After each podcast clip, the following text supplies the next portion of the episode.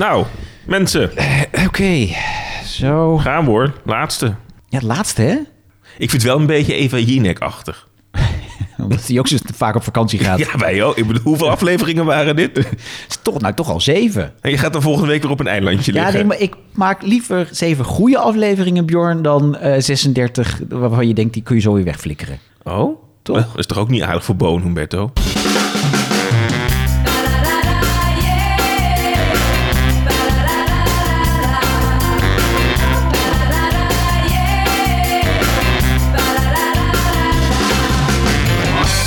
Ja hoor, daar zijn we weer. De podcast over tv-nostalgie. Daar beleef je voor thuis. Met aan de overkant van de tafel mijn goede vriend Bjorn Bouwens. En aan de overkant zit hij hoor, Ron Vergouwen. Ja. Ja, tv-programma's van toen. En vandaag wel een hele speciale. Ik ben er een beetje zenuwachtig voor.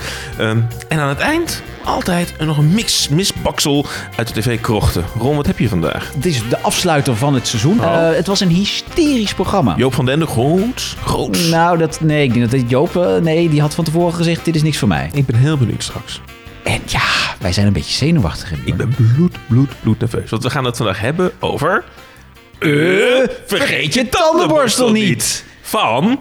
Rolf Wouters. En met wie gaan we bellen Nou, straks? Rolf Wouters. Nou, ja. En die man doet dus nooit interviews. Nee, en die wilde wel met onze podcast praten. En toen die jaar... Dan heeft hij nog niet geluisterd naar ons. Nee, dat denk ik. Dat is vaak. Sowieso valt het me wel op als ik dan vaak nog even de aflevering naast stuur naar onze gast. Dan hoor je nooit meer wat. dus, dus ik denk dat mensen het niet. Het is heel leuk om mee te doen, maar niet om terug te luisteren. Nee, dat is waar. Ehm, maar ik ben bloednerveus. Want e- eerst dacht ik van, nou ja. Kijk, je, je komt soms ook hè, in in zo'n podcast. kom je te veel aan je echte jeugdherinneringen. Hè. Dus kijk, Han Pekel was al een momentje. Durfde ik wel, eh, wel aan. Hans Cornelissen had jij, hè? Mhm. Toch spannend. Maar hè, we hebben Hans gewoon gehad in, in de show. Maar Rolf Wouters, dat is echt mijn tv-icoon. Daar was ik gewoon echt fan van. Ja. En, en dat we die gaan bellen. Dus het kan ook twee kanten op, denk ik straks. Of ik klap helemaal dicht en jij moet het interview eh, doen. Eh, of ik, eh, ja, ik, ik ga wat stomme schoolkantvragen stellen. ik denk dat dat de scenario nee, we, zijn. we, we helpen elkaar er doorheen. Gaan we het echt doen? We gaan het elkaar er doorheen. Ja, weet je, het was in de jaren negentig was hij natuurlijk een van de grote tv-iconen van de... Weet je, samen met... Mensen hebben dat altijd over Ron Brandsteder, André van Duin, Henny Huisman. Maar wat mij betreft hoorde Rolf Wouters daar ook bij. Hij was natuurlijk net een generatie later. Maar wel voor ons echt de grote showmaster. En hij is ook een beetje natuurlijk mythisch. En hij natuurlijk ook ergens een keer gestopt is. En hij is een beetje ja, verdwenen hè, van de Ja. aardbol. Nou, wij gaan hem zo meteen weer eh, boven water eh, takelen. Maar eerst, eh, ja, god, moeten we, het- moeten we het echt doen? Tuurlijk, ook deze keer hoor. Oh, wat een post. Ja, voor de laatste keer. Ook als ze er zo meteen even niet zijn hè, tijdens onze pauze, dan eh, blijf vooral reageren. Je mailt naar datbleefjevoorthuis.gmail.com. Eh je kunt ook je reactie achterlaten via onze Instagram of onze Twitter. Mijn schoonmoeder doet dat al altijd braaf, hè, Ron. Die tagt ons altijd op sociale media. Dat, ik voel me ook hè? nu part of the family, van de familie Bouwens. Is ook zo. Detty Mulder die reageert altijd. En die, nou, ik denk dat die echt heel erg goed bijdraagt aan onze fanbase. Dus dankjewel Detty daarvoor. Zeker. Ehm, sowieso viel me op. We hebben best veel reacties ook gekregen naar onze eh, aflevering over Westenwind. En eh, wat wel grappig was, is dat Jori Duizenstra... die wil volgens mij een soort campagne eh, beginnen. Want die wil nog meer programma's uit Rotterdam. En daar hebben we natuurlijk al eentje van toegezegd, bedacht ik me later. Eh oppassen, toch? Ja, dus in Ja. die zin, eh, ook alle Rotterdammers, vrees niet. Blijf luisteren. We gaan voorbij die grachtengordel. Dus ook in het nieuwe seizoen eh, Rotterdamse programma's. Of gaan we bij Jori thuis zitten? Nou, ja, goed idee. Jori, heb, en, heb je plek? Eh, laat het ons weten, want dan komen we met, met de hele studio jouw En kant mogen op. we mee eten? Nou, heel graag toch? Kees Suikerbuik die schreef... Ontslag heren, leuk om te zien hoe mensen oorspronkelijk uit West-Brabant... Hier is Hoge Heide represent, eh, succesvol actief kunnen zijn in de media. Zelf ben ik fan van vergeten pareltjes zoals Avro's Post met jawel Birgit Kansert. Birgit Gansert? Ja, die ken ik. Nou, die ken ik dan niet. Maar Afro's Post ken ik niet. Nou, zij las brieven voor waarna de Thundercats begonnen. Oh, Dus ja, die Thundercats ken ik nog Ja, wel. grappig. In het kader daar bleef je niet voor thuis, wilde ik een meisje aandragen van de VPRO. Ja, was toch eh, een, een soort mislukte dramaserie, ja? Ja, dat was met Frits Lambrecht. Dat wordt een soort futuristische eh, kinderserie. En mensen die zaten alleen nog maar augurken te eten. Het was een hele rare serie. Hij vond het wel een gedurfd eh, project. En binnen het genre, wat tegenwoordig gedomineerd wordt door de vrienden van Studio 100, toch ook wel leuk. Ontzettend jammer dat er nooit een Nederlands antwoord is gekomen op het succes van deze producties. De Efteling heeft het geprobeerd, maar die pogingen waren kansloos. Nou, zo dankjewel ook gelijk voor de eerste Efteling-verwijzing, Kees. Of we ook nog een keer aandacht zouden willen besteden aan of Merlina, of Postbus X, of Interflix. Succes met de podcast Goed Kees Suikerbuik. En dat laatste vind ik leuk. Ja, nou ja, kijk, wij komen dus, eh, hij zegt het al, uit West-Brabant. Daar liggen onze roots. Dus wij komen uit, die, uit die grensstreek. Als, Wij- jij, als jij ver ging plassen, dus dan, dan, was, dan kwam het in België terecht, toch? en, en mensen keken eerst op de BRT 1 of er iets was. En als er niks was, dan pas gingen we naar Nederland 1 toe. Klopt, dus echt mijn hele jeugd was Liegebeest, Postbus X, Interflix. Waarvan ik Postbus X echt het, echt het meest fantastische programma vond. Postbus X was heel spannend, ja. Denk je dat wij Vlaamse luisteraars hebben? Nou. Anders kunnen we daar thuis maken, toch? Ja, de, de Vlamingen vinden het niet leuk als Nederlanders eh, Vlaams gaan praten. Maar eh, als je nu in Vlaanderen zit te luisteren, eh, laat het ons even weten. Precies, dan maken we daar Bleef U voor thuis, eh, speciaal voor u. Joost Major die mailde ons, die zei... Beste Bjorn en Ron, sinds vorig jaar heb ik jullie podcast ontdekt... en zelf ben ik geboren in de jaren 80... en ik beleef veel plezier aan de programma's die jullie bespreken. Veel daarvan keek ik vroeger met mijn ouders. Er is al veel voorbij gekomen, maar de volgende programma's zijn mij bijgebleven. Laat maar zitten, Hadi Pa, De Poppenkraam... of vergeet je tandenborstel niet. Hey. Joost komt vandaag zeker aan zijn trekken. Bedankt voor het terughalen van mooie herinneringen. Ik blijf luisteren. Groeten van Joost Major uit Bussum. Ja, laat maar zitten. Dat was ook een comedy van eh, Ga Harm Edens, onze vriend. Ja. Die ook een keer bij ons te gast was in, in de show.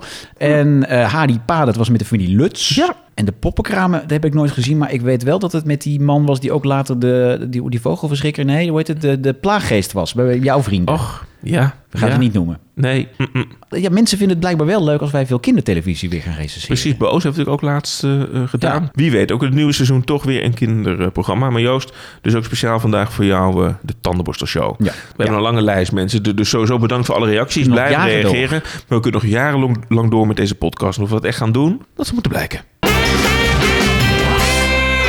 Oh, ik ben gewoon hyper. Ik vind het zo spannend. Ja, ga even rustig zitten. Rust pak, jij, pak jij dit nou even op. Ja, Professioneel. We gaan het over tandenborstel niet hebben. En dat is gebaseerd op een Britse tv-show. Eh, Chris Evans was in, eh, in eh, Engeland de presentator. Overigens, mensen die nu zitten te luisteren, die denken dat het was toch Captain America en de Marvel-films. ja, dat is ook een Chris Evans, maar dit is een Engelse Chris Evans. Een beetje clowneske presentator was dat. Op YouTube staan ook nog wel beelden te vinden. Kijk het terug. Een carnavalesk programma. Het was een uitzinnige sfeer in de studio. Eh, het heeft vijf jaar gelopen bij Veronica. Nog heel kort bij het publieke eh, Veronica hebben ze... Eén aflevering volgens mij. Eén aflevering, dus dat is makkelijk. Want je, dan hebben ze kunnen, publiek geld hebben ze dat dure decor in elkaar Precies. kunnen zetten. Dus nog even met belastinggeld hebben ze het kunnen produceren. Daarna hebben ze het kunnen uitsmeren bij het commerciële Veronica. Ja, en met onze grote held Rolf Wouters, wat wil je nog meer? En wat zo bijzonder is, is dat het format eigenlijk niet zo goed uit te leggen is. Als je het helemaal uit moet leggen, dan kon die zaal, hè, dus die honderden mensen in het publiek, die konden een reis winnen. En er werden allerlei spellen gespeeld met dat publiek om ervoor te zorgen dat ze die reis konden winnen. Maar wat leuker was, en daarom was het format eigenlijk veel meer dan het spelletje aan zich, is dat er van alles gebeurde aan sketches, optredens, verrassingen. Ja, ongelooflijk hysterische benden in als meer. Wherever you travel, on planet Earth or far beyond, there's an important message.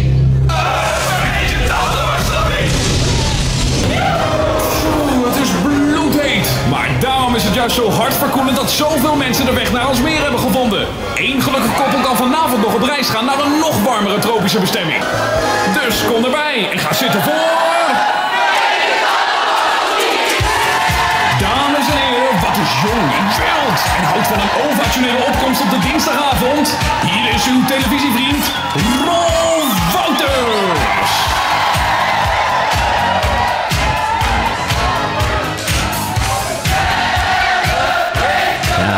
het, eigenlijk was de hoofdrol voor dit programma was weggelegd voor het publiek. Ja, Ik noemde het net carnavalesk.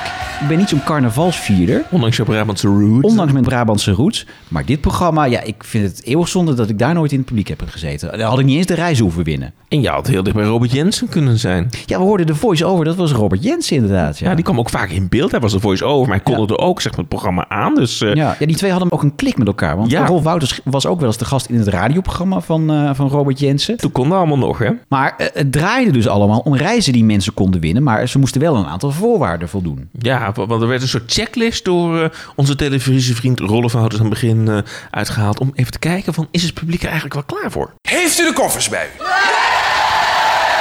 Heeft u de paspoorten bij u? Heeft u de tandenborstel? Nou, dat is heel mooi, want dat komt heel goed uit. Want, vergeet niet, ik leg het even aan vier. Twee van u, een duo, een paar, dat zou u kunnen zijn. Perfect! Met hem. Die kunnen vanavond op reis gaan. Een heel eind weg. De bestemming van vanavond, waar u hiervoor speelt, is de stilte. De Dominicaanse Die meneer had informatie vooraf. Ik heb een flauw vermoeden. Dominicaanse Republiek. Maar er is ook een andere bestemming. Dat is een tweede. Die is ook leuk, maar is minder ver weg. Dat is... Urk? En mensen konden ook naar Urk. Nou, heerlijk toch? De troostreis, dat was altijd een beetje, ja... Dat sloeg allemaal nergens op. Ze hadden ook al vaak een, een grappig filmpje opgenomen in dat stadje dan ergens in Nederland.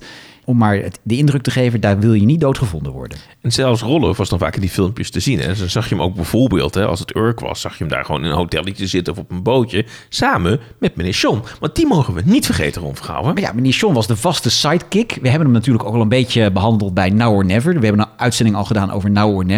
Maar hij had een vast spelletje, een vaste stick zelfs in dit eh, programma. Ja, want er was eigenlijk was er niks zo veranderd als het format van de Tandenborstelshow. Maar één ding was er altijd. En dat was John's Shop. En wat er in John's Shop gebeurde is dat meneer John inderdaad in een decoortje een winkel had die week. Het konden allerlei winkels zijn. Wat kon dat er nou voor winkel zijn? Nou, bijvoorbeeld een taartenwinkel kan ik jou eh, vertellen. Want de bedoeling was zeg maar dat John Shop, ja, die, die winkel die hield het niet vol tot het einde van de aflevering. Dus Nee, alles, de, hele, de hele boel was in elkaar gestort. Absoluut, wa- want John Shop ging open in dat prachtige decor. En iemand moest eh, plaatsnemen op een soort spinning seat. Een ongelooflijk draaierige bedoeling. En iemand stond op en moest vervolgens John Shop doorlopen. Dat ging natuurlijk niet goed. En vervolgens werd het natuurlijk één grote bende. En eh, was, werd John Shop eh, gemolestreerd. Oké, Jeroen. Ja? Hier komt hij. John's Shop. John, Een porseleinenshop? u bent een nieuwe winkel begonnen. Ja, een porseleinenshop. Hartstikke leuk zeg. Waarom porselein? Veel porselein. Veel porselein in je kast. Hou de gasten urenlang vast. Succes, daar gaat Jeroen.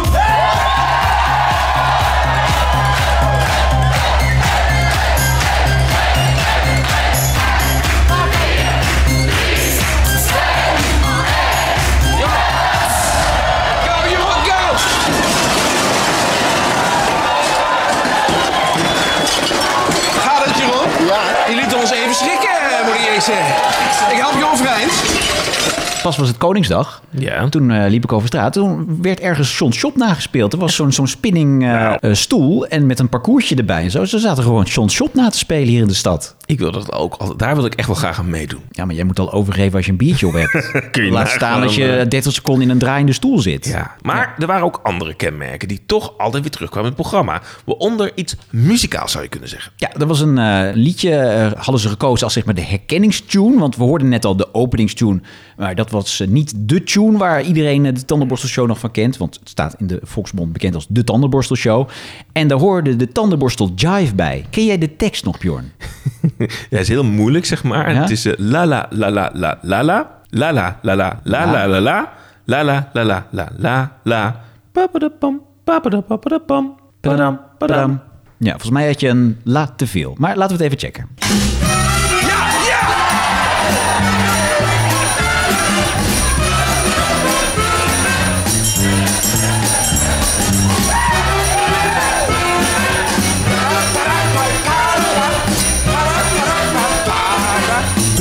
지링 지링 지링. 띠링 띠링. Ja, als je dit hoort, dan weet je waarom het nooit goede recensies heeft gehad in de Volkskrant en de Trouw. Hè? Ja, en toch, ik, ik, ik ben toch de schaamte voorbij inmiddels in deze podcast. Ik heb vorige keer natuurlijk al bekend dat ik ooit het singeltje heb gekocht van Litouwers en Bart de Graaf. Ik zou zo graag een tovenaartje willen zijn, Ja. als ik kon toveren. hè, Ja. dat, dat. Maar ik heb ook gewoon dus echt van Heb de set toe- Heb ik de tandenborstel Jive ook Set toe? gehaald hoor. Dat was de- de dat was de, de Set band toe? die dit eh, had eh, ge- ingespeeld. Ja, eh, schaamteloos. Maar ik, ik vond het zo'n leuke gimmick. Ja, als je niet van amusement houdt, dan is dit het meest Nee. afschuwelijke programma wat je ik. kunt voorstellen. Maar als je wel van amusement houdt, dan is het natuurlijk echt een feest. Het is natuurlijk heerlijk. Inclusief de muziek en de gekkigheid. Maar vooral ook doordat er ook iedere keer verrassingen in zaten. Want we hebben nu, kijk, die reizen winnen en Sean Shop. eh, dat liedje, dat waren een beetje de vaste waarden in het programma. Maar het leuke was dat er dus iedere keer weer andere verrassingen in zaten. Ja, het was nooit hetzelfde. was nooit hetzelfde. En er werd er ook wel vaak een beetje een soort van geleend van wat werkte nou verder in andere programma's. En bijvoorbeeld de verborgen camera kwam er dan vaak eh, in, in terug. Want wat Rolf dan eh, bijvoorbeeld deed, is mensen toch verrassen. Ehm, doordat ze al eerder, voordat de opnames waren begonnen, ergens in een ongemakkelijke situatie waren terechtgekomen. Heb jij een koffer bij? Ik heb een pas bij me. Dan is alles rond. Op één dingetje na. Heb jij misschien nog, en dat moet ik even vragen voor de douane, eh, bekeuringen uitstaan of andere boetes? Nee, nee, nee, nee. Absoluut niet? Nee. Nee, oké. Wat ben je van beroep? Vertegenwoordiger. Geen bekeuringen. En geen bekeuring. Dat is toch gek, want ik heb rare beelden. En daar hadden wij onze twijfels over. Wij hebben een dagje samen met Jaap Jongbloed achter jou aangereden. En moet je eens kijken wat er gebeurt. Dat zijn levensgevaarlijke capriolen, ook voor andere weggebruikers. Jos Lefevre, je hebt zo'n chique naam. Hier dwars door het rood. Ja, over de dubbele streep en de verkeerde weghelft. Dit is ernstig.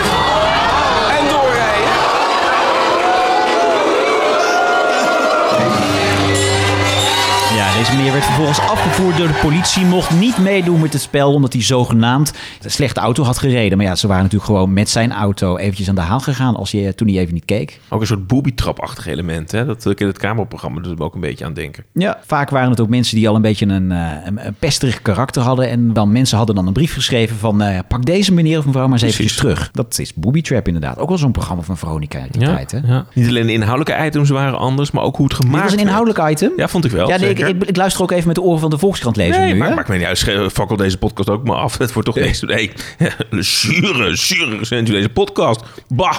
Hè? maar de luisteraars vinden het wel leuk, denk ik altijd Precies, maar weer. ja. Wat ook zo bijzonder was, ook gewoon de manier waarop het gemaakt werd, was eh, bijzonder. Kees-Jan den Daas, we noemen niet vaak mensen achter de schermen, maar het was een regisseur die heel veel voor Joop van de Ende producties toen eh, deed. Topregisseur. Topregisseur, echt waar, wa- was ook zeker toen de beste, de beste in, in zijn vak. En die wist met Rolf ook zo'n andere sfeer te creëren. Dus wat er ook werd gedaan, is dat die cameraman ook echt voor Rolf stond. En eigenlijk hè, uit de hand eh, met, met Rolf meeliep in plaats van een camera ver in positie. Het werd snel gemonteerd, dus wat flitsend. Het werd, heel snel, werd het ook in beeld gebracht. Het was echt heel anders dan de grotere amusementshows die we in die tijd eh, kenden. Ja. En de practical jokes waren ook niet van de lucht. En volgens mij waren daarna en Rolf Wouters daar samen ook mede verantwoordelijk voor. Want kijk, het publiek kon dus eh, reizen winnen. En die moesten dus aan allerlei spellen meedoen. Maar die werden soms ook wel het slachtoffer van eh, gekke dingen die gebeurden zo boven hun hoofd. Ja, er viel bijvoorbeeld meel uit het dak van de studio op het publiek. Nee, het dringt nu pas tot me door dat u, u doet heel leuk mee. Hè? Absoluut. Ehm, u bent een gezellig publiek. Dat vak daar, uitstekend. Het probleem zit een beetje in dat vak daar. Ja. Ja, bent u het met me eens, hè? Het probleem, het probleem zit daar. precies, precies. Ik vind het jammer dat het zo moet. Mag ik vragen, weet u wie het liedje heeft geschreven? Even aan mijn moeder vragen. Bloem, die zijn hier speciaal voor u. Laat maar vallen.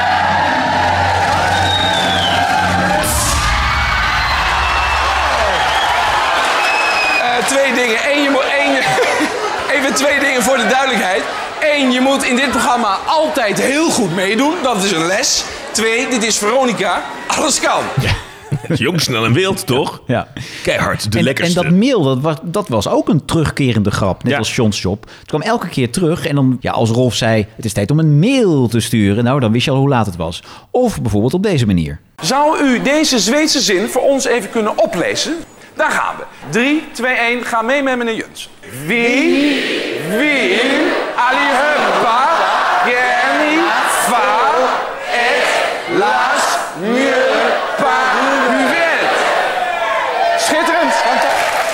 Mag ik vragen, wat zijn ze eigenlijk precies? Wij willen allemaal graag een lading mail op ons hoofd. Soms dan werden er echt hele andere dingen ingebracht. Die eigenlijk een soort van compleet als een verrassing kwamen in die uitzending. Zo eh, heeft Rolf op een gegeven moment een soort van familie geïntroduceerd. Die Ja. altijd op de eerste rij zaten in de zaal. Ja. En dat was Arno Oerlemans en Ja, die er familie. altijd als een, een leernicht, zat hij, de, zat hij daar, hè? Met, met de naam dus van Reinhard Oerlemans, Arnie Albert, zeg maar, ge- geïntroduceerd. Die dan een soort van vreemd optreden hadden in de eerste rij. Waarbij ze soms ook meededen naar een prijs, soms ook niet. Maar het was een soort ontregelend gezin in die Maar formule. een soort figuranten. Ja. Ehm, viel mij eh, net op. Ik keek even de zaal in. En we gaan een spel spelen. Maar ik zag ehm, de familie van Arno Oelemans weer zitten. Ja, daar bent u weer. Ja, hallo. Leuk, leuk u weer te zien. hè? U bent vaste gast van het programma. En ja, ik weet niet of u het nog weet, maar het was anderhalf jaar geleden geloof ik. Hè? Toen won jij, een, u bent, je bent de zoon hè? Zoon van de ouders inderdaad. Toen won jij een Ferrari Testarossa aan ons programma. Weet u nog? Ja, er zijn er nog beelden van. Achter het gordijn. Hè? Je mocht kiezen tussen welke prijs je wilde. De halve finale of prijs dat gordijn. En toen won jij de Ferrari Testarossa. Leuk dat jullie er weer zijn. Hartelijk welkom. Hè? Vinden we leuk, vaste gasten. Jij hebt er ook ooit een Ferrari Testarossa gehad, Jordan? Ja, heerlijk. Ja, hoor, open dakkie. Ja. Nee, maar dit was dan altijd een opmaat naar een spelletje. Want dan eh, later kwam er iets op de parkeerplaats. Gingen ze iets doen met de auto van een kandidaat of zo. En dan stond daar toevallig ook de Ferrari Testarossa. Ik noem Van het- Arno. ik- van Arno. En die werd dan compleet in het prak gereden. Niet alleen vreemde figuren van buiten. Soms eh, was Rolf zelf ook in één keer eh, in een andere gedaante Ja, wij zaten daar nog eens over na te denken. Ik vind eigenlijk dat eh Rolf Wouters is een beetje ja, de voorganger van Carlo Bossart toch. Als het gaat om imiteren van mensen. Ja. Spontaan, lekker uit de blosse pols. Pruik op je hoofd en iemand nadoen. En hij heeft een aantal mensen in dat programma dus nagedaan. Hij heeft bijvoorbeeld John Bernard een keer... Weerman. John Bernard, de weerman inderdaad, nagedaan. Die zag dan bijvoorbeeld dat er ergens boven Aalsmeer een wolk met meel hing. Nou, drie keer raden wat er naar beneden kwam na dat filmpje. Frits Bom heeft die keer nagedaan. De vakantieman. En hij is ook een keer eh, David Copperfield geweest. Ja, vond ik geweldig. Vooral met die armgebaren ook. Hè? Dat hij eh, ging goochelen, maar dat, dat, dat niks lukte, zeg maar. It's time for David Copperfield host. en dan kwam er een muziekje en dan kroop hij altijd even achter de camera. En dan een paar seconden later kwam hij weer eh, tevoorschijn. Eh, hij is ook een keer, dat was heel grappig, ken je Rasti Rostetti nog? Kijk naar mijn ogen. Volg mijn vinger. Ron Vergouwen. Ga je mijn vinger volgen? Jij voelt je moe. Je ogen worden heel zwaar. Jij gaat slapen. Ron Vergouwen, jij slaapt. Hallo, Ron? Ik ben zo u terug. U weet vast waar het om gaat. Het is altijd dat wij een bijzondere gast in ons programma hebben. En dat is ook vanavond zo. Ik kan natuurlijk niet verklappen om wie het gaat.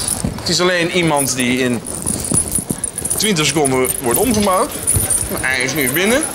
It's time for Rusty Rostellihoff. Hypnose is magischer dan alles. Ik kan zelf mijzelf onder hypnose brengen. Het is geen kunst. Ik breng mijzelf onder hypnose. Ik hou niet van citroenen, maar ik breng mijzelf onder sleep. Een zoete sappige persik. Ik weet het, ik heb dorst. Een zoete sappige persik, je wil het, ja graag. Heerlijk. En wakker. Ja. Het typetje was hier eh, Rasti Rostelli, ja, de hypnotiseur uit de jaren negentig. Ja. Had ook een programma op Veronica trouwens. Precies, dat was die Rostelli Show. Ja, Ja, God, het, eh, goed slecht. bekeken. Hm. Ehm, en dan hadden we alles gehad. En dan kwam nog de finale. En, en dat was dan eigenlijk misschien wel het simpelste. Want uiteindelijk ging het daar dus over of de, hè, de kandidaat die dan in die finale terecht was gekomen. Ja, gingen ze dan wel of niet die grote reis winnen? Of werd het toch Urk? En eh, dat is een paar keer veranderd ook in de loop van de seizoenen. Eerst was het balletje balletje. Dat je bij Rolof dan moest kijken en goed Oh, kon ja. volgen waar het balletje was eh, ge- gebleven. Ehm, later hebben we een soort van koffertoren gehad. Waarin je vragen moest beantwoorden. En als het dan het lichtje erboven dan kreeg je de reis. Je legt het maakt- goed uit hoor. het maakt ook niet, niet heel veel uit. Maar uiteindelijk was er de bedoeling van... gaan we nu wel, gaan we niet die reis winnen? En je ging vervolgens rechtstreeks vanuit de studio... als, als het spel was gespeeld... ging je op reis of met auto naar Urk... of meteen naar Schiphol door Ja. om eh, weg te Dan vliegen. kwam er een golfkarretje met, en die hebben we nog niet genoemd, de stewardessen. De stewardessen. Die hadden altijd dat gele pakje aan. Want Ja. geel was de, de, de kleur van de show. Ja. Eh, en die assisteerde Rolf Wouters altijd. En die, eh, aan het einde van de show werden de winnaars dus altijd met het golfkarretje naar Schiphol gereden. Ja. was toch in de buurt van Aalsmeer. Maar één show ging het mis. Oh ja? Ja, het ging finaal mis. Laat ik dit met u afspreken. Marja, als jij er ook overheen gaat, hebben wij geen reis en geen finale in dit programma. Dat is nieuw dan. Ja, maar helaas. Daar gaat hij.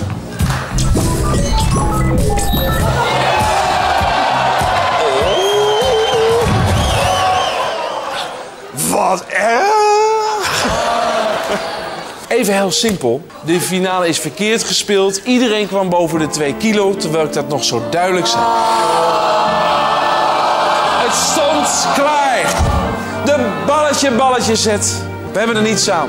In deze aflevering van Vergeet je tandenborstel niet. Geen finalisten. Geen prijs. Kom volgende week toch weer. Tot volgende week. Jammer. Ja. Dat was het geheim van het programma. Het moest wel leuk blijven. En altijd verrassend, dat blijkt maar Altijd weer. verrassend, ja. Dat was het programma. Nou, dit was de podcast ook, mensen. Dan gaan we naar huis. Tot ziens. We gaan naar huis. Ja. Ik durf gewoon echt niet meer nu. Jawel. Dit is wat we gaan doen en we gaan bellen. hè. Ja, we gaan bellen met Rolf Wouters. Nou, mij niet bellen. Nou, mij niet bellen. Mij niet bellen. Mij niet bellen. Nou, mij niet bellen. Mij niet bellen. Nee, en mij ook niet. Maar niet mij bellen. Nee hoor, mij niet meer bellen. Je dooddenk. Ach, kom op. Ja, hallo. Goedenavond met eh, Bjorn en Ron van eh, Daar bleef je voor thuis, de podcast. Ja, nou, le- leuk. Ik, ik heb een podcast jullie teruggeluisterd. Eh, Leuk wat jullie doen. Nou, eh, dankjewel. En eh, we zijn heel blij eh, dat je medewerking wilt verlenen. We hebben, hebben veel mooie jeugdherinneringen, maar dit is wel... Nou, ja. Bjorn, we gaan beginnen. We gaan niet de fanboy spelen. Nee, we gaan gewoon beginnen. ja. Rolf, eh, welkom in Daar bleef je voor thuis. Want eh, ja, je hebt allerlei tv-programma's gemaakt. En Bjorn en ik waren het er eigenlijk gelijk over eens... dat het leukste programma wat je ooit hebt gemaakt is... Ur vergeet je tandenborstel niet. Dus daar zijn we nu bij aanbeland. Maar hoe dierbaar is dit programma voor jou? Oh, eh, heel dierbaar. Ja, omdat het, ehm, ik, ehm, de, basis van de tandenborstel, dat kwam uit Engeland. Daar heb ik het een keer gezien. En dat is, eh, was anders dan, dan wij het ooit hebben gemaakt. Het was dan met Chris Evans. En toen ik dat zag, dacht ik van dat moeten we in Nederland gaan doen. Want het was eh, amusement, maar een beetje over de top. En het had een enorme impact. Niet zozeer in, in kijkcijfers per se, maar voor Veronica de zender. Daar was het ineens het vlaggenschip van. Dat was meteen na aflevering 1, ook door de manier waarop we dat in beeld brachten, nog, nogal hectisch en eh, non-stop. En ik werkte aan l'improvise. Eh, het waren, waren de reacties op straat waren gewoon eh, meteen. Met, met roepen en dat liedje. Eh, dat was gewoon meteen, de eerste week. En dat had ik nog nooit meegemaakt. En hoe werd er dan in Aalsmeer naar gekeken, eh, Rolf? Want daar werkten ja, mensen die er al, al, al heel lang werkten. Hè? Ron Brandsteder, eh, Henny Huisman. Die maakten toch wat meer op de traditionele manier televisie. Hoe keken zij naar die nieuwe manier van een grote show maken zoals jij deed? Uh, dit- nou, uh, voor zover ik weet, vond ik dat, dat hartstikke leuk. Die zeiden, jij bent weer van de nieuwlichting. Vaak stond uh, Henny of ook wel Ron Brandsteder aan de zijkant even mee te kijken. Ze hebben ook in het programma, uh, zeker Ron Brandsteder, is ook in het tandenborstel uh, zijn medewerking verleend. Die vonden het allemaal heel grappig. Eh, Marco, wij vonden het even prachtig. Eh, maar wij hebben ook een andere boodschap. De heer Brandstede en ik. Ja, een soort verrassende wending gaat het nu krijgen. Want Marco, namens de platenmaatschappij kreeg ik net een grote lijst in mijn handen. En ik mag jou, mede namens het Nederlands publiek, aanbieden de Gouden Knop. Marco Borsato. Ik weet het zelf heel goed. De, de Gouden Knop, zogenaamd, ging uitreiken aan Marco Borsato, ja.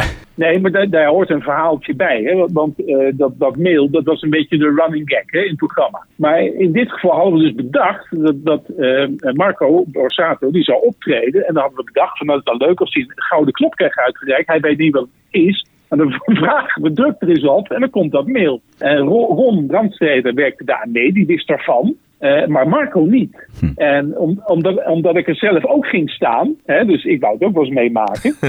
hadden, hadden onze toneelmeesters bedacht van nou we doen wat meer mail dan normaal. Maar ik weet nog heel goed toen dat naar beneden kwam, op ons drieën.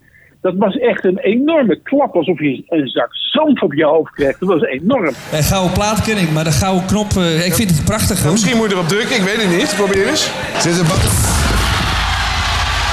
en, en heel ernstig was, dat mail is vrij uh, vluchtig. Dat mag je niet inademen. Dat, dat, is echt heel slecht. En Marco is natuurlijk een zanger. En die, en die wist er niet van. Dus die ademde per ongeluk ook wat meel in. Dus okay. nou, dat was eigenlijk een ramp voor hem later. Want hij was bang dat hij zijn stem heel lang kwijt zou zijn. Ik kan me ook voorstellen, het is natuurlijk echt prachtig ook dat dit soort dingen ontstaan. Jullie moeten ook ontzettend veel lol volgens mij hebben gehad om al die onderdelen te bedenken. Want geen aflevering was hetzelfde. Ja. We hebben natuurlijk net heel veel dingen teruggehoord. Nee. Wat, wat, kun je nog herinneren? Want je werkte met een vast team om die afleveringen te maken. Hoe ging uh, dat creatieve proces uh, toen de tijd in zijn werk? Nou, ik heb eigenlijk altijd sinds ik in Aalsmeer ging werken, ben ik zelf altijd een van de schrijvers van de programma's geweest. Ook al was het een bestaand format. Hè, maar dat konden wij toen nog allemaal uh, verdraaien. Hè. Toen waren die rechten nog wat flexibeler, zeg maar. En op een gegeven moment met die rechten van de tandenborstel die we hadden aangekocht... dat was eigenlijk alleen de titel en het gegeven dat mensen op reis gaan... en een tandenborstel bij zich hadden en het liedje. Maar op een gegeven moment hadden wij gewoon bedacht van... nou, wij kunnen eigenlijk alles in dat programma stoppen wat we zelf leuk vinden... en wat het publiek ook leuk vindt. En ik had op een gegeven moment gewoon uh, bedacht van, wij maken eigenlijk de persiflage op de amusementshow. We gaan overal net een tikje verder in, hè? Of, of gekker. En, uh, en dat schrijven was uh, op zich heel simpel, want we zaten vol met ideeën. Ik schreef dat samen met Paul Kormel. En dan legden we de ideeën op tafel en onze redactie, die was fantastisch. Iedereen leverde zijn dingetjes in. En wij schreven dus twee weken lang allerlei onderdelen aan elkaar. En we spraken dat met Kees-Jan den Daas, bekende regisseur. En ehm, dan namen we na twee weken namen we twee afleveringen op. En het leuke was daarvan eh, dat we daarna weer twee weken de tijd hadden om ook te reageren op wat mensen eh, hadden gezien en wat ze leuk vonden, hè, het publiek. Ja. En daardoor konden voor mij ook rode draden ontstaan. Hè? Dus bijvoorbeeld de types als Arno Oerlemans, die kwamen in één keer dan ook regelmatig Ja. terug. Ja, dat, dat hadden we dan een keer bedacht en dat deden we dan een keer. En dan merkten we dat het publiek in de zaal dat leuk vond. En dan hoorden we het ook terug van de, van de kijkers. En dan bleef zoiets erin. Ja. En laten we niet vergeten dat eh, de- hoofdrol was natuurlijk eigenlijk gewoon weggelegd voor het publiek. Want dat was een uitzinnige menigte daar in de studio. Eh, hoe werkte dat eigenlijk? Want het, het leek alsof daar een publieksopwarmer was geweest van heb ik jou daar. Nee. Maar hoe, hoe ging dat in zijn werk dan? Oh, nou, dat, ja, dat kan ik wel uitleggen. Dat was een beetje psychologie. Ik zei altijd van, wij maken geen tv-programma, maar we maken een theatershow. En dat betekent dat alles live on tape gaat.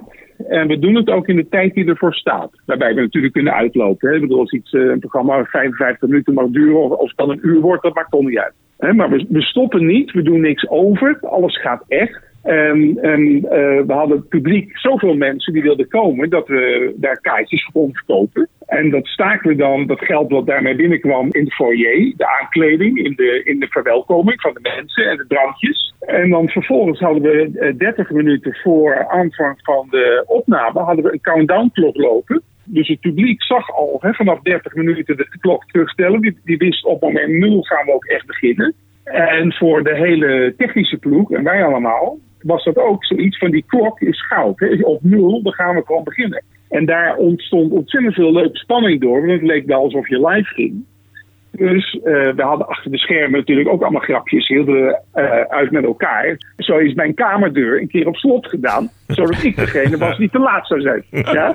Ik, ik heb de deur ingetrapt om toch op tijd te zijn. Oh, Ja. wat heerlijk. Ja. Dus er speelde zich heel veel lol dus ook af achter de schermen bij ons. En het publiek heeft dat altijd aangevoeld. Dat, dat moet een deel van het succes geweest zijn.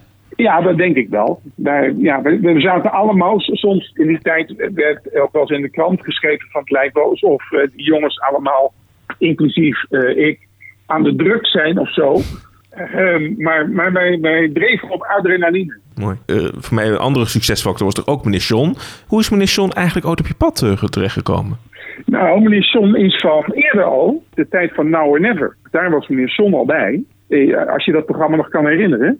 Zeker. Zeker, we hebben een af- Nou. aflevering over Now or Never gemaakt. Leuk dat je luistert, Rolf. Oh, nou, nou ik, ben, ik ben niet gebeld. Ik ben niet gebeld. Nee, dat, daarom doen we het nu.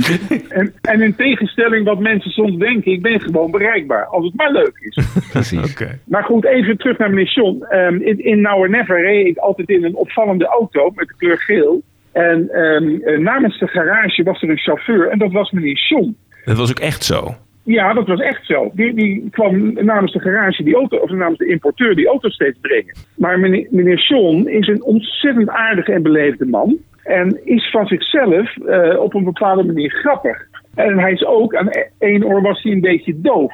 Heel vaak was er iets van een spraakverwarring met hem, tussen hem en mij. Hij was soms wat onhandig en liep dan door beeld, net op het moment dat dat niet de bedoeling was. En, en dat ontstond, ontstond eh, ja, heel spontaan. Wij, wij allemaal van het hele team eh, werden dol op meneer John. Ik vond hem zo'n sympathieke man. En ik had altijd zoiets van, als meneer John niet in de buurt is, dan vind ik het niet gezellig. En zo ontstond dat. En, en dat is eh, zeg maar heel natuurlijk ontstaan. Hij is geen acteur. Hij is uiteindelijk een goede vriend geworden. Ja, want nou ja, ja, jullie waren op een gegeven moment echt een soort duo. Hij werd ook heel populair. Hè? Ik bedoel, er werd onderhand meer gescandeerd voor meneer John als die binnenkwam dan voor meneer Ja. Wouters. Ja, ja, maar ik vond dat fantastisch. Ik vond dat fantastisch. En hij vond het ook zo leuk. Dat, het was gewoon, voor mij was het genieten om te zien hoe hij daarvan genoot. En voor mij was het dan ook een stuk gezelliger op de vloer. Want ik stond daar niet alleen dan. Ook eh, eh, voor en na de opname. Hij was echt de, de, de butler, hoe je het ook noemen wil. Ja, ja. He- hebben jullie altijd contact gehouden of eh, zijn jullie uit elkaar eh, gegroeid? Nou, we zijn ietsje uit elkaar gegroeid, maar dat komt door mij. Ik ben op een gegeven moment was ik televisieland om verschillende redenen even, even zat. Omdat ik het gevoel had dat ik niet meer mijn eigen ding kon doen, waardoor ik het zo leuk altijd vond. Toen ben ik op reis gegaan en ben ik een paar jaar niet in Nederland geweest. En daardoor is heel veel een beetje verwaterd. En gelukkig hebben we inmiddels al lang een reunie gehad en heb ik meneer John alweer een paar keer gezien. Het enige is, ik, ik- ik vind het heel moeilijk om hem te zien, want er komen zoveel herinneringen terug. Mhm. En meneer John is toch nu wat ouder aan het worden. Begrijp je? Dus het wordt op een gegeven moment Ja. een beetje te veel een, een traantje wegping. Nou, ook de emoties die erbij Voor hem. komen. Ja. Ja, daar komen eigenlijk iets te veel emoties bij. Dus, ehm, dus ja, ik, ik, kan, ik kan hem niet, niet te vaak zien zonder terug te denken aan die tijd. En, en en eigenlijk dan te zeggen van kom we het maar overdoen. Ja, maar de, de, de vriendschap die we zagen op het scherm, die was echt in ieder geval. Ja, ja, ja, ja, ja. Nee, het het wat je zag, zo was het. mooi. Wij, wij, wij, waren allebei geen acteurs. Je was toch niet alleen presentator. Want wat je in die tandenborstelshow toch ook deed, was eh, acteren. Er waren natuurlijk allerlei type hosts. Hè. De Rasti Rostelli host hebben we bijvoorbeeld net nog eh, Ja, ja, gezien. Of David ja. Copperfield host. We hebben je in dit programma zien zingen. Dus heb je jezelf eigenlijk ook niet heel erg uitgedaagd... om heel veel andere kanten van jezelf te laten zien in dit programma? Eh, ja, maar mijn lol was, ik, was eh, ik ben eigenlijk altijd meer televisiemaker geweest dan presentator. Maar als je dus in de voorbereiding alles in de vinger hebt, begrijp je? En eh, eh, eh, eh, het was ook mijn humor wat, wat in dat programma zat. En, en automatisch die van mijn collega's met wie we het maakten. Dan had ik wel het idee van, ehm, ik ga mezelf eens uitdagen. Ja, ja het, was een beetje mijn, het werd mijn speeltuin. Zo mag je het best noemen. Zijn er bepaalde afleveringen of eh, onderdelen uit het programma... die het meest dierbaar eh, zijn? Nou, wat ik heel leuk vond, eh, dat we Kim Wilde bijvoorbeeld te gast hadden. We hadden ook altijd, dat was in die tijd nog, hè, dat, je, dat we artiesten hadden die in zo'n showprogramma optraden. En echt de, de grote namen. Ja, het, Ehm, het was ook de, de, tijd- de tijd van Eurodance, hè? Dus al die eh, Two Brothers on the Fourth Ja, Floor en eh, al die, die Nederlandse bandjes die eh, hoog in de hit, Ja, hitlijsten stonden, die waren te gast. Ja, alles wat, wat inderdaad in de hitlijst stond. En dan moet je niet vergeten dat het programma werd natuurlijk voor Veronica gemaakt. De, de hippe zender, de jongere zender. Dus al die bands of groepen, die, die wilden ook graag ehm, op die zender voorbij komen. En zeker bij ons. En Kim Wilde, daar wilden we een, een sketch mee doen met een operatie op een banaan. Waarbij ik de chirurg zou spelen. Dat had weer ergens mee te maken, ik weet niet meer wat. Maar ieder, iedereen zei, ook van het management van, van die Kim Wilde, die zei van ja, nee, dat doet ze niet. Ze komt optreden, vindt ze hartstikke leuk. En ze, hè, dat is allemaal prima, ze heeft banden gezien, oké, maar dat doet ze niet. En ik zat toen nog zo met mijn collega's in zo'n soort vibe van, eh, hè, van wat doet ze niet, dat, dat zullen we dan nog wel eens zien. Dus ik heb net- netjes op haar kleedkamer aangeklopt, waar zij natuurlijk met haar eigen entourage zat. En, en toen zei ze onmiddellijk, en dat zijn wel meer artiesten geweest, die zeiden, oh, maar dat vind ik fantastisch, dat doe ik. Ik weet nee. Dus zij was toen de, ik geloof, de anesthesist in een, in een chirurgische opname van de operatie op een banaan. Wat goed. Waar zie je dat nou?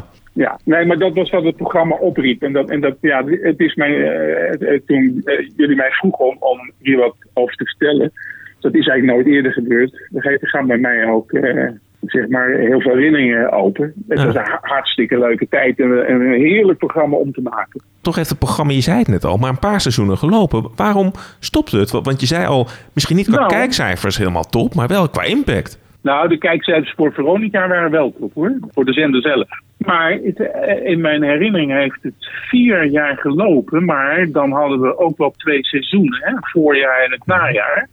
Ik geloof bij elkaar wel aflevering op 38, 39 gemaakt hoor.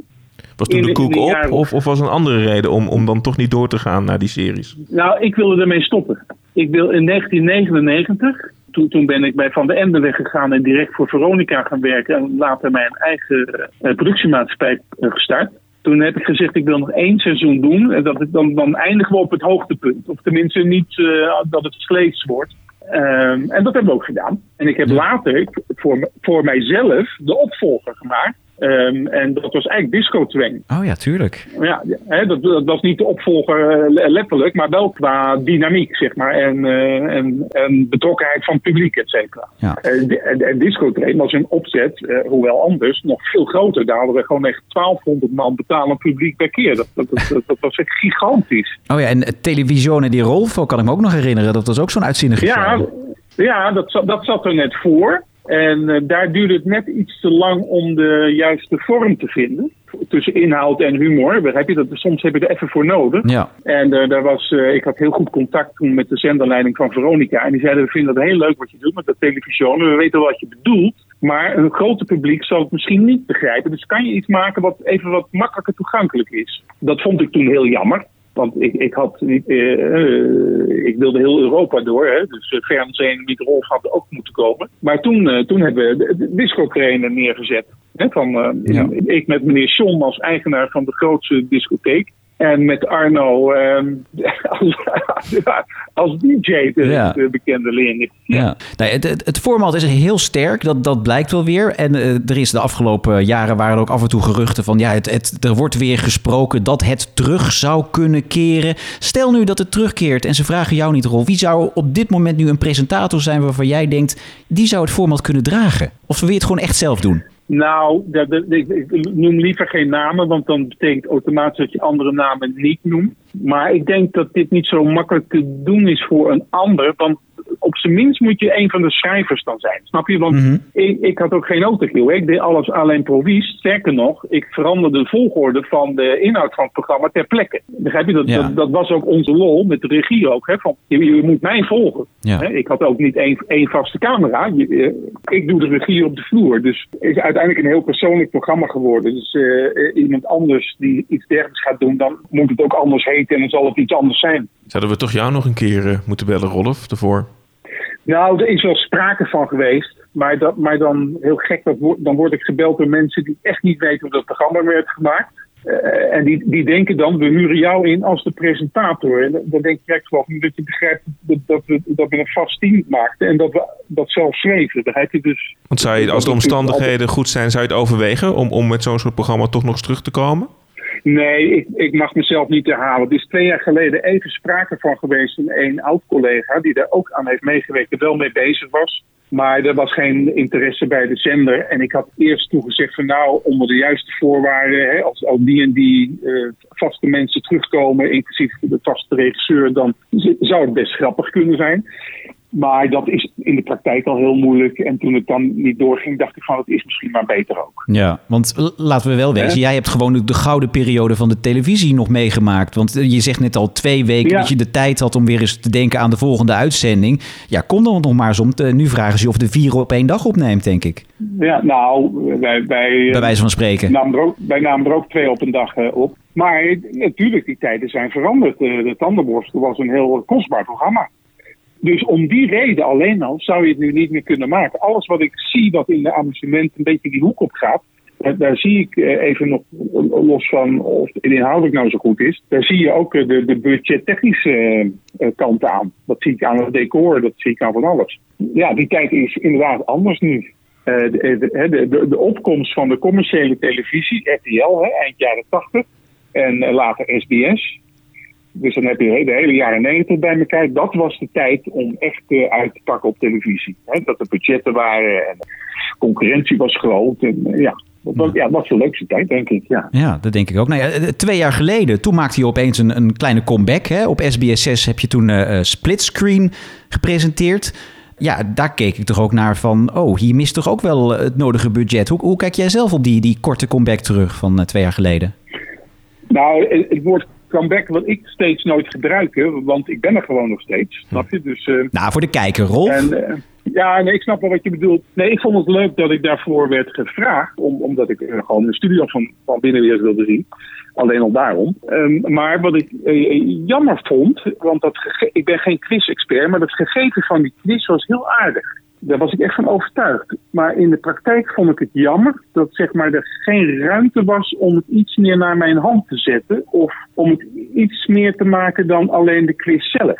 Er is een verschil tussen een quiz en een tv-programma wat ook amuseert. En eh, daar had best nog wat aan gesleuteld kunnen worden. Ik, eh, ik vond het jammer dat ik daar van tevoren niet specifiek voor ben gevraagd om daar eens even over mee te denken. En ik vond het jammer, terwijl we bezig waren, dat er geen gelegenheid was om het programma een kans te geven om er een, nog een draai aan te geven. Want het, het gegeven was best grappig, eigenlijk. Maar je hebt niet toen achteraf nog in de evaluatie gezegd van... jongens, dit en dit moeten we aanpassen en dan gaan we er gewoon lekker mee door? Of Nee. heeft SBS nooit meer teruggebeld? Nee, er, is nooit een evaluatie geweest. En zo gaat dat tegenwoordig. Weet je, er wordt iets geprobeerd, het eh, slaat niet aan, eh, eh, meteen afserveren. En dat is eh, in sommige gevallen best zonde. Hè? Ook, ook bij andere programma's zie ik dat wel eens, waar ik niks mee te maken heb. Dan denk ik, god, het gegeven was best aardig.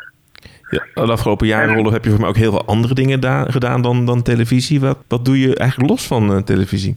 Nou, ik ben ooit op reis gegaan en ik ben even op het gebied van architectuur gaan werken. Dus even als vormgever. Eh, dat was ik van origine op het grafisch gebied, maar dan even met huizen bouwen. En ehm, ik heb later voor mezelf eh, een boerderij gebouwd die, die deels functioneert. En ehm, ja, ik word soms wel eens ergens bijgehaald. Ik, ik noem mezelf maar, ik ben een creatieve man en een beetje free, ja, freelancer, noem het zo. En als niemand mij vraagt, dan ben ik altijd op de boerderij bezig. Wat leuk. Maar wat ik even recht wil zetten, want, want daar heb ik wel gelezen, ook, ook zogenaamd eh, interviews met mijzelf, die ik bijna nooit geef. ik, heb nooit, ik heb nooit een hekel aan televisie gehad en ik heb ook nooit gezegd, eh begrijp je, me negatief erover uitgelaten. Kijk, eh, iemand vroeg het me laatst, die zei, zou je nog eens willen worden gevraagd voor iets en dat je zelf weer je eigen ding kan maken? Zeg, ja, natuurlijk, dat, dat wel. Alleen, dan moet een opdrachtgever duidelijk zijn, wat wil je dan?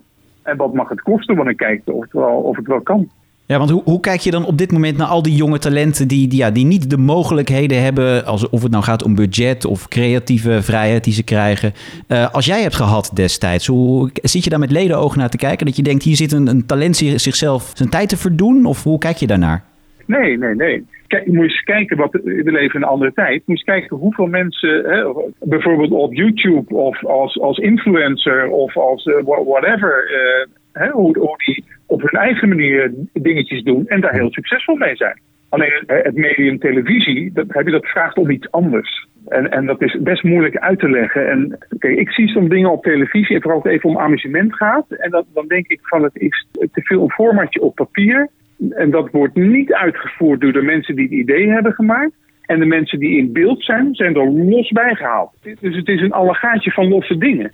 Terwijl, als je bijvoorbeeld kijkt naar een talkshow, een goeie, dan is de personality van de host, die is alom aanwezig. En die zal ook ongetwijfeld zelf de redactie aansturen, want anders werkt het niet. Hè, eh, daarom is Umberto bijvoorbeeld, dat programma, anders dan Jinek. Terwijl ze toch bij wijze van spreken aan dezelfde tafel zit. Nou, en zo hoort het eigenlijk ook bij amusement te zijn. Paul de Leeuw is een heel bekend voorbeeld natuurlijk. Hij geeft zijn signatuur eraan. En, en dat is heel goed. En dat mis ik wel eens bij, bij andere programma's. Weet je, dan, dan wordt het heel erg inwisselbaar. Ja. Ja, eh, Rolf, eh, ik denk dat ik ook namens Bjorn spreek als ik zeg eh, dat wij dit soort personalities en zeker Rolf Wouters toch wel ontzettend missen op de televisie momenteel. Zeker weten. En het is ook heerlijk om weer naar te luisteren, Rolf. Ook zo als we terugblikken op, op die tijd van toen. Ja, ja, dat terugblik is leuk. Maar dat moet ik je ook zeggen, hè, want als ik nu iets zou doen, ik zou helemaal de vrije hand hebben. Ik ben ook niet meer de man van toen. Begrijp je, toen was ik ook jong en dynamisch en, eh, en eh, begrijp je, met dromen. En toen ik mezelf twee jaar geleden terugzag, weet je, daar, schrik ik dan zelf van. Want er staat er niet meer die, die jonge gekke man, maar er staat er echt ineens meneer Wouters. Snap je wat ik bedoel? Maar ik zie nog steeds de pretoogjes, Rolf. Die zag ik twee jaar geleden in dat programma in ieder geval. Dus dat vond ik heel fijn dat die er nog steeds waren. Ja, die zijn er ook nog. Ja, ja die zijn er ook nog. En, en, daarom vond ik het jammer bij dat programma dat ik, dat ik een beetje van die fun, dat ik dat niet kwijt kon. Dat snap ik helemaal. Ja, ja. Nou, we wensen je heel veel eh, plezier en succes met alles eh, wat je nog gaat doen in de toekomst. Ik hoop dat we ooit weer wat eh, van je gaan zien op televisie. Ik- zou het eh, toejuichen. Ja, het, het is jammer dat, dat mijn, al mijn collega's met wie ik vroeger eh, heb samengewerkt in het productieteam, hè, moet je het zien, dat iedereen is zeg maar versnipperd. En sommigen zijn er ook mee opgehouden en dat is jammer. En je, je zou hopen dat één van die mensen nu op een positie zit dat die eh, ergens over gaat. Ja, hè, want het leuk zou zijn, dat hebben we op een reunie ook nog wel eens gezegd van god, wat zou het een droom zijn om met z'n allen bij elkaar weer eens opnieuw iets te gaan maken. Maar ja, dat kan helaas niet meer. Ja. Heel, erg bedankt, Ja, eh, heel ja. erg bedankt voor je tijd en dat je ons te woord wilde staan in deze podcast. Ja, nee, eh, eh, graag gedaan. En, en, en, en blij dat jullie het dus vroeger met plezier hebben gekeken, toch? Nou en of. Heel veel plezier. Heel veel we, plezier. we zeiden al tegen elkaar eh daarnet, dit is een van die programma's dat als je het keek, dan wilde je eigenlijk gewoon in die studio zitten. En dat hadden niet alle programma's. Exact. En, en dat was ook precies de bedoeling. Ja, Ja, ja, ja. dat is heel goed. Zo omschrijf je het gevoel juist. Ja. Oké Rolf, Dankjewel. dank voor je, voor je tijd. Bjorn en Ron, jullie ook bedankt. Ongelooflijk, hè? We zaten hier als twee fanboys, zaten we dit interview te Ja, doen. dankjewel dat jij je journalistiek eh, hard hebt laten kloppen, hoor. Ik, ik was helemaal ook... Ik was echt een beetje nerveus. Ja, ik zag blosjes op je wangen. Wat een, een mooie tv maken. En dat hij nog steeds met zoveel passie terugkijkt op wat hij toen gemaakt heeft, vind ik echt wel bijzonder. Ja, en volgens mij gaat er nog heel veel creativiteit schraal in dat hoofd van hem, maar ja, kan het er gewoon niet uit in, eh, in 2022. Dat vind ik heel jammer. Ja, maar het is wel wat hij zegt. Ik denk met alle programma's die hij heeft gemaakt, dat was meer dan inderdaad alleen dat presenteren. Dat, dat, dat maakte die, dat leefde die, dat, ja, dat, dat, dat ook meteen zijn signatuur. Ik vond het erg mooi om, eh, om van hem te horen hoe dat nou was. Dus ik, eh, Rolf Wouters in de Ja. show. Ik, we kunnen stoppen met deze podcast, Uw hoor. televisievriend. Heerlijk, heerlijk, ja, heerlijk. Ja. ja, en hij deed alles. Hè. We hebben hem al horen acteren. We hebben hem ook... hebben we hem horen zingen al? Hebben we nog niet gehoord. Moeten we dat daar- nog even laten horen? Ja, dat is misschien ja, dat is een beetje, een beetje Ja. stom om dat natuurlijk eh, nu af te fakkelen nu die heeft opgehangen. Maar dat is, hij kon niet zingen natuurlijk. Dat deed hij ook niet. Het was meer, het was eigenlijk een soort rapper, hè? Avant la lettre. Ah, het was onze televisievriend. Want k- kunnen we dat ene nummer nog herinneren? Zullen we daar even naar luisteren? Papperle pap. Ik zeg papperle pap. Zet de tijd even stil.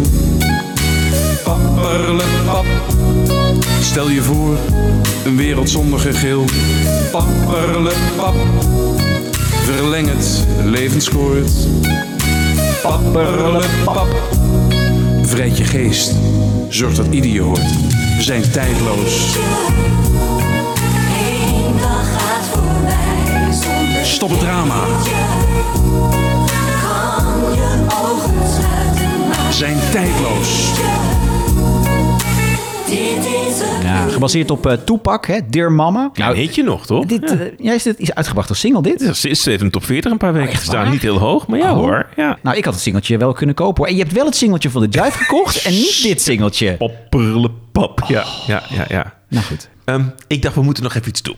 Wat Wa- dan? Want, kijk, we hebben natuurlijk ooit Now Never gedaan. En we hebben natuurlijk nu fantastisch ook Vergeet tandenborstel niet eh, gedaan. Nou, eh, volgend seizoen dan gaan we nog een show van Rolf doen. Dan gaan we weer bellen, hoor. Maar om, om dat een beetje te kunnen bepalen, dacht ik van... Ik, ik wil ook even gaan kijken, hoe goed ben je nou een beetje in het oeuvre? In, wat weet jij van Rolf Wouters?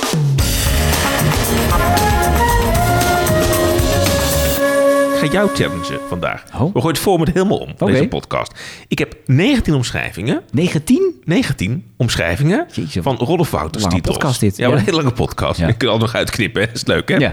Je moet binnen eh, drie seconden moet jij dan raden om welke titel het gaat. Oké. We kijken naar de hele reeks, hoeveel jij er wist. Prima. Zet de tijd even stil. Oh nee, start de tijd.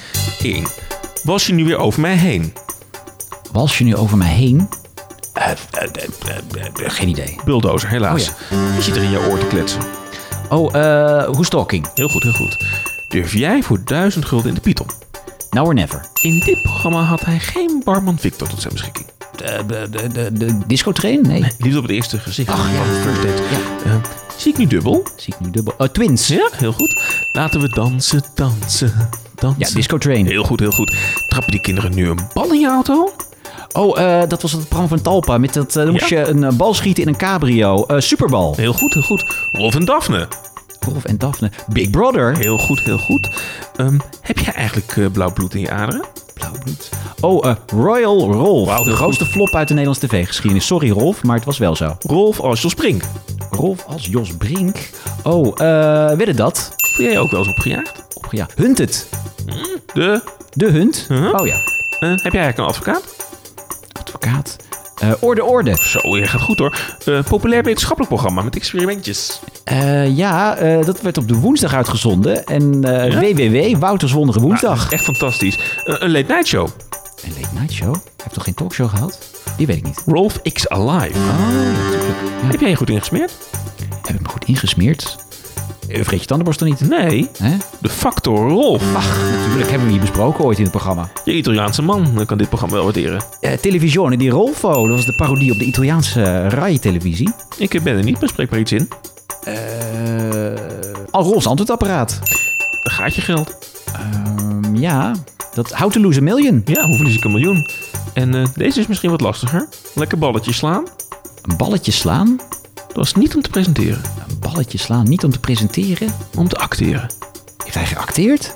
Ken je klassiekers Ron Vergouwen? Heeft hij geacteerd? Vlodder. Oh, tuurlijk! Als tenniskoorbal. Hij zat in de film Vlodder inderdaad. Ja. Levert volgens mij, als ik de statistieken volg, 15 uit 19 punten op. Gefeliciteerd. Nou, dit U kent toch- uw klassiekers hoor. Ja, ja wij eh, hebben het vaak over het oeuvre van Rolf Wouters in onze gesprekken. Dus eh, nou, dat eh, komt Complimenten, even. Ja, dat complimenten. komt even naar voren hier. hey, het is tijd voor een conclusie.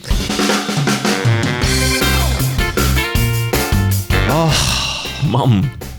Voor een tweedelige podcast. Ja. Wat was er nou niet leuk aan de Tandenborstelshow? Alles was leuk aan de Tandenborstelshow. Alles was leuk aan Rolf Verhouts. Het moet terug. We moeten een monument oprichten. Een standbeeld. Ik, ik, ik kan toch niks eh, meer negatiefs bedenken aan, aan deze fantastische aflevering. Je bent onder de indruk, hè? Ik ben helemaal van slag. Ik vond het fantastisch. Ja, ik moet bijna huilen. Het is een beetje wat jij met Schepke en Philip had van Goudkust, weet je wel. Oh, ja. Heb ik met Rolf Wouters. Ja, Nee, het ik vond het een fantastisch. fantastisch programma. En ik ben eigenlijk alleen maar enthousiaster geworden eh, nu we die oude fragmenten weer hebben gehoord en gezien. En we Rolf hebben gesproken. Wat een iconisch, fantastisch programma. En hij heeft voor mij gelijk. Je moet niet, niet zomaar een personality weer laten doen. Eh, het echt maken met, met een creatieve geest. Dan zou het kunnen. Maar ik zou het niet op kunnen noemen hoor. Echt, eh Rolf, doe het alsjeblieft nog één keer voor ons. De Tandenborstelshow. Amen. Zijn we klaar? Het is echt, hier niet Ja, dit is eigenlijk een goed moment om te stoppen, hè? Ja. We stoppen ons hoogtepunt. Ja. Maar ja, in, het, in het draaiboek staat dat we nog een eindrubriek hebben. zullen, we die gewoon, zullen we die gewoon skippen? Nee, ja. Nee, moet de, luisteraar Ja. schreeuwt erom. Maar we hebben het hoogtepunt wel gehad hoor. We hebben Rolf Wouters gebeld. Dat sowieso. Nou, dat sowieso. Want Ja. in de rubriek eh, Daar bleef je niet voor thuis... eh, moet ik jou nu gaan verrassen met een programma. Ja, iets waarvan je denkt van... Oeh, dat heeft niet heel veel indruk gemaakt. Was niet zo goed. En jij gaf al aan dat het wel in de amusementshoek zat, hè? Ja, het is een eh, kijkcijferflop eh, van de commerciële televisie. Was het van RTL? Zeker. Van RTL 4? Nee, RTL 5? RTL 5. Oh, Nou, laat ik maar gewoon gelijk zeggen, het is reality. ach. En dan gaan we met de politie, de brandweer, de spuitgasten, Nou, de ambulance. Nou, die hadden hier wel wat werk aan gehad, ja. Als je- ach, Ja. ach, wacht even. Heeft het een... Nou, heeft het een medisch centrum Westlink? Nee, Dus het is niet Dr. Koning over de Wallen? Of was dat bij SBS dat was bij SBS 6. Nee. Oké. Heeft het iets met seks te maken, Ron Vergouwen? Nee. nee, het heeft een, eh, een link met een programma wat net is begonnen op SBS 6. Tenminste, daar lijkt het een beetje op eigenlijk. Heeft het een... eh, is, is dat met Dennis van de Geest dan weer? Ja, daar heb je het programma Million Dollar Island... waarin 100 mensen op een eiland zitten... Ja. en uiteindelijk wint er één. Nou, een paar jaar geleden had RTL 5 het programma... Get the fuck out of my house. Ach. Dat was een programma met Nicolette Kluivert. Die moesten met 100 man in een huis leven... en elkaar daar wegpesten. En degene die als laatste overbleef, die won. In Get the Fuck Out of My House gaat een keiharde overlevingsstrijd plaatsvinden. Omdat de voorzieningen slechts verrekend zijn op vier personen. Het is ieder voor zich. Er is weinig eten. En er zijn maar vier slaapplaatsen. Het wordt afzien. Mensen gaan instorten. Er ontstaan wrijvingen. Maar jij luistert blaren. Ja, jij moet niet lopen blaren. maar ook romances. Na 40 dagen is er maar één die het bedrag wint dat overblijft van de huishoudpot van nu nog 100.000 euro. Dit is Get the Fuck Out of My House. Zegt het jou iets? Nou, ik, ik, heb, ik heb voor mij ooit de aankondiging ervan gezien. Hmm. En dat was het, zeg maar. Dit is echt by far een van de slechtste programma's ooit gemaakt. Ja. Ik vind het ook eigenlijk een belediging voor meneer Wouters... dat die nu samen in een programma moet zitten... waar dit programma ook in wordt besproken. Ja, dat kan eigenlijk echt niet. Nee. Zullen we het gewoon gelijk weggooien? Ja, ja bleef we- me we- gewoon niet voor thuis. We zijn er doorheen. Ja. Dit seizoen. Nou, maar wat een mooie afsluiting. Sowieso hadden echt wel leuke gasten dit seizoen. Waarvoor veel dank. Je zweeft ook een beetje. Ja. Je, je zit niet op de stoel, je zweeft er net een beetje boven. Ja, misschien komt dat ook nog een beetje door de hypnose-act eh, trouwens. Ik voel me wel een beetje... Hoe voel jij je nu? Nou, ook wel een beetje blij dat het seizoen erop zit. Ja, Even pauze. even pauze. Ja. Maar Ergens dit jaar komen we weer terug.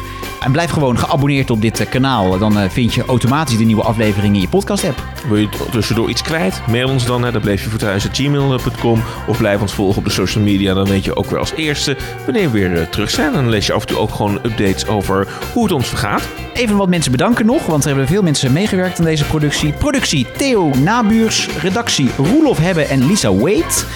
Muziek Orgel Joken, special effects Danny Rook, contracten Marjolein Uitzinger. Wat lach je nou? Cameravoering William Rutte, dat doet William, is daar heel goed in. Wagenpark Bavo Galema, runner Edo Brunner, broodjes meneer John Junior, dat is leuk hè, die doet voor ons de broodjes.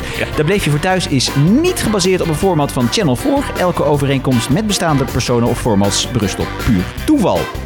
Zo, zijn we er Wat ga jij doen deze zomer? Nou, niet meer jouw podcast maken in ieder geval. Ik ga lekker veel naar de Efteling en mijn Bassie Adriaan DVD's nog terugkijken. Ja. En jij? Nou, ik ga eens lekker naar Italië, denk ik. Met televisiono die eh, Ron kijken. Nou, dan moet je mijn antwoordapparaat niet inspreken, denk ik zomaar. God. Ik ben weg. Vreet je tandenborstel niet. Ron, je tandenborstel. Nou ja, ga ik iemand anders een podcast maken deze zomer. Heerlijk. Wil iemand een podcast met me maken? Iemand?